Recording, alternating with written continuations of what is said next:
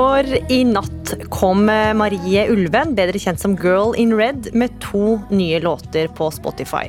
Eller de var vel ikke helt nye, anmelder eh, Sjur eh, Syrstad Tyssen. Hva er det Girl in Red kom med i natt? Uh, det Girl in Red har kommet med i natt, det er hennes bidrag til det som heter Spotify Singles. Så det er et initiativ fra Spotifys side der de hyller det klassiske sjutommers singelformatet med A- og B-side. Og så inviterer Spotify ulike utøvere til å gjøre nyinnspillinger av deres egne låter, attmed sånn coverlåt som de velger sjøl.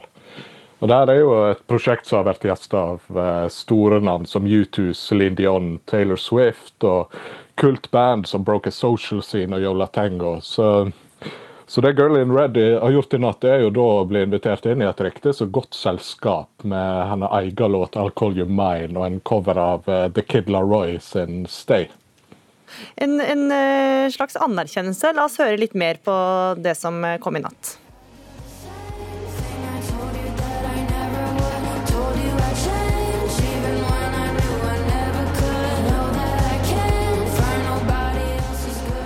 Ja, en uh, akustisk versjon av en tidligere låt og en cover altså. Og Hva syns du om de, Sjur Syrstad Tyssen? Er de verdt å bruke tid på? Ja, det, det vil jeg så absolutt si at de er. Altså, eh, men det er jo det når det eh, ikke er snakk om nytt materiale, så er det jo klart at det er en fordel at en allerede er interessert i det Gullin Red holder på med, eller den The Kid LaRoy-låta som hun covrer. For I'll Call You Mine er jo liksom et av de beste eksemplene fra, på det nye, mer profesjonelle soundet som Gullin Red testa ut og slapp debutplata si tidligere i år.